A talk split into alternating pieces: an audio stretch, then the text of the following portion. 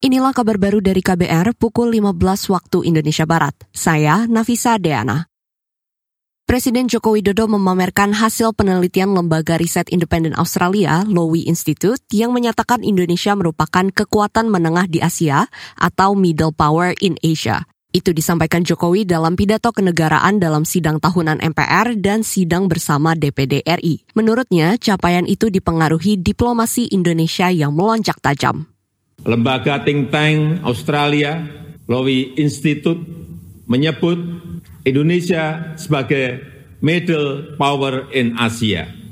Dengan diplomatic influence yang terus meningkat tajam dan Indonesia termasuk satu dari enam negara Asia yang mengalami kenaikan comprehensive power Presiden Joko Widodo menyadari hasil riset itu tidak disambut positif oleh semua pihak. Ia mengungkapkan adanya pihak yang mempertanyakan dampak dari kepercayaan internasional. Menurut Jokowi, ada pula yang mengkritisi kebijakan pembangunan tol pada era dirinya. Menjawab kritik tersebut, Kepala Negara menjelaskan pentingnya kredibilitas negara untuk memudahkan negosiasi. Kita ke berita lain. Saudara, Majelis Permusyawaratan Rakyat MPR mengingatkan agar perekonomian Indonesia tidak mengalami kebangkrutan. Ketua MPR Bambang Susatyo menegaskan Indonesia merupakan negara besar yang tidak boleh kembali menjadi pasien dana moneter internasional atau IMF. Menurutnya, Indonesia masih bergantung pada kekayaan sumber daya alam yang lemah ketika dihantam krisis moneter meskipun termasuk negara besar. Indonesia adalah negara besar yang harus terus melangkah ke depan dan meningkatkan kemajuan dan kesejahteraan. Kita tidak boleh menjadi negara gagal dan mengalami kebangkrutan sebagaimana dialami beberapa negara yang saat ini menjadi pasien IMF.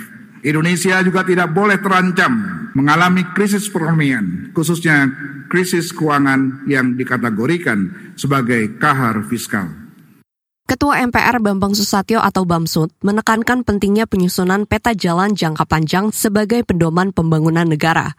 Peta jalan itu, kata dia, meliputi koordinasi antara pusat dan daerah untuk memanfaatkan kekayaan alam untuk kesejahteraan rakyat. Adapun kekayaan alam itu meliputi emas, tembaga, hingga gas alam. Kita ke berita selanjutnya.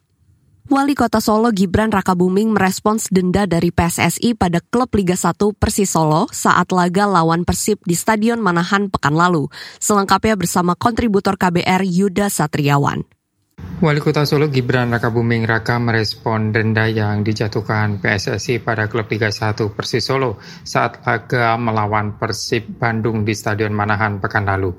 Menurut Gibran, panpel pertandingan seharusnya bisa mengantisipasi pelanggaran yang terjadi. Ya diterima aja sanksinya ya, apa pun itu itu resiko. Ya, makanya jangan diulang lagi. Lebih lanjut, Gibran berharap klub, supporter, dan panitia hingga aparat keamanan sama-sama bisa menjaga nama baik dan kondusivitas wilayah dengan menaati aturan dari PSSI. Gibran memahami supporter ingin menonton langsung tim kesayangan bertanding, namun juga harus dipahami aturan dari PSSI semua demi keamanan untuk mencegah adanya gesekan. Sembilan klub di Liga 1 2023-2024 mendapat sanksi berupa denda karena supporter away dari Solo, Jawa Tengah, Yuda Satriawan. Inilah kabar baru dari KBR pukul 15 waktu Indonesia Barat. Saya Nafisa Deana.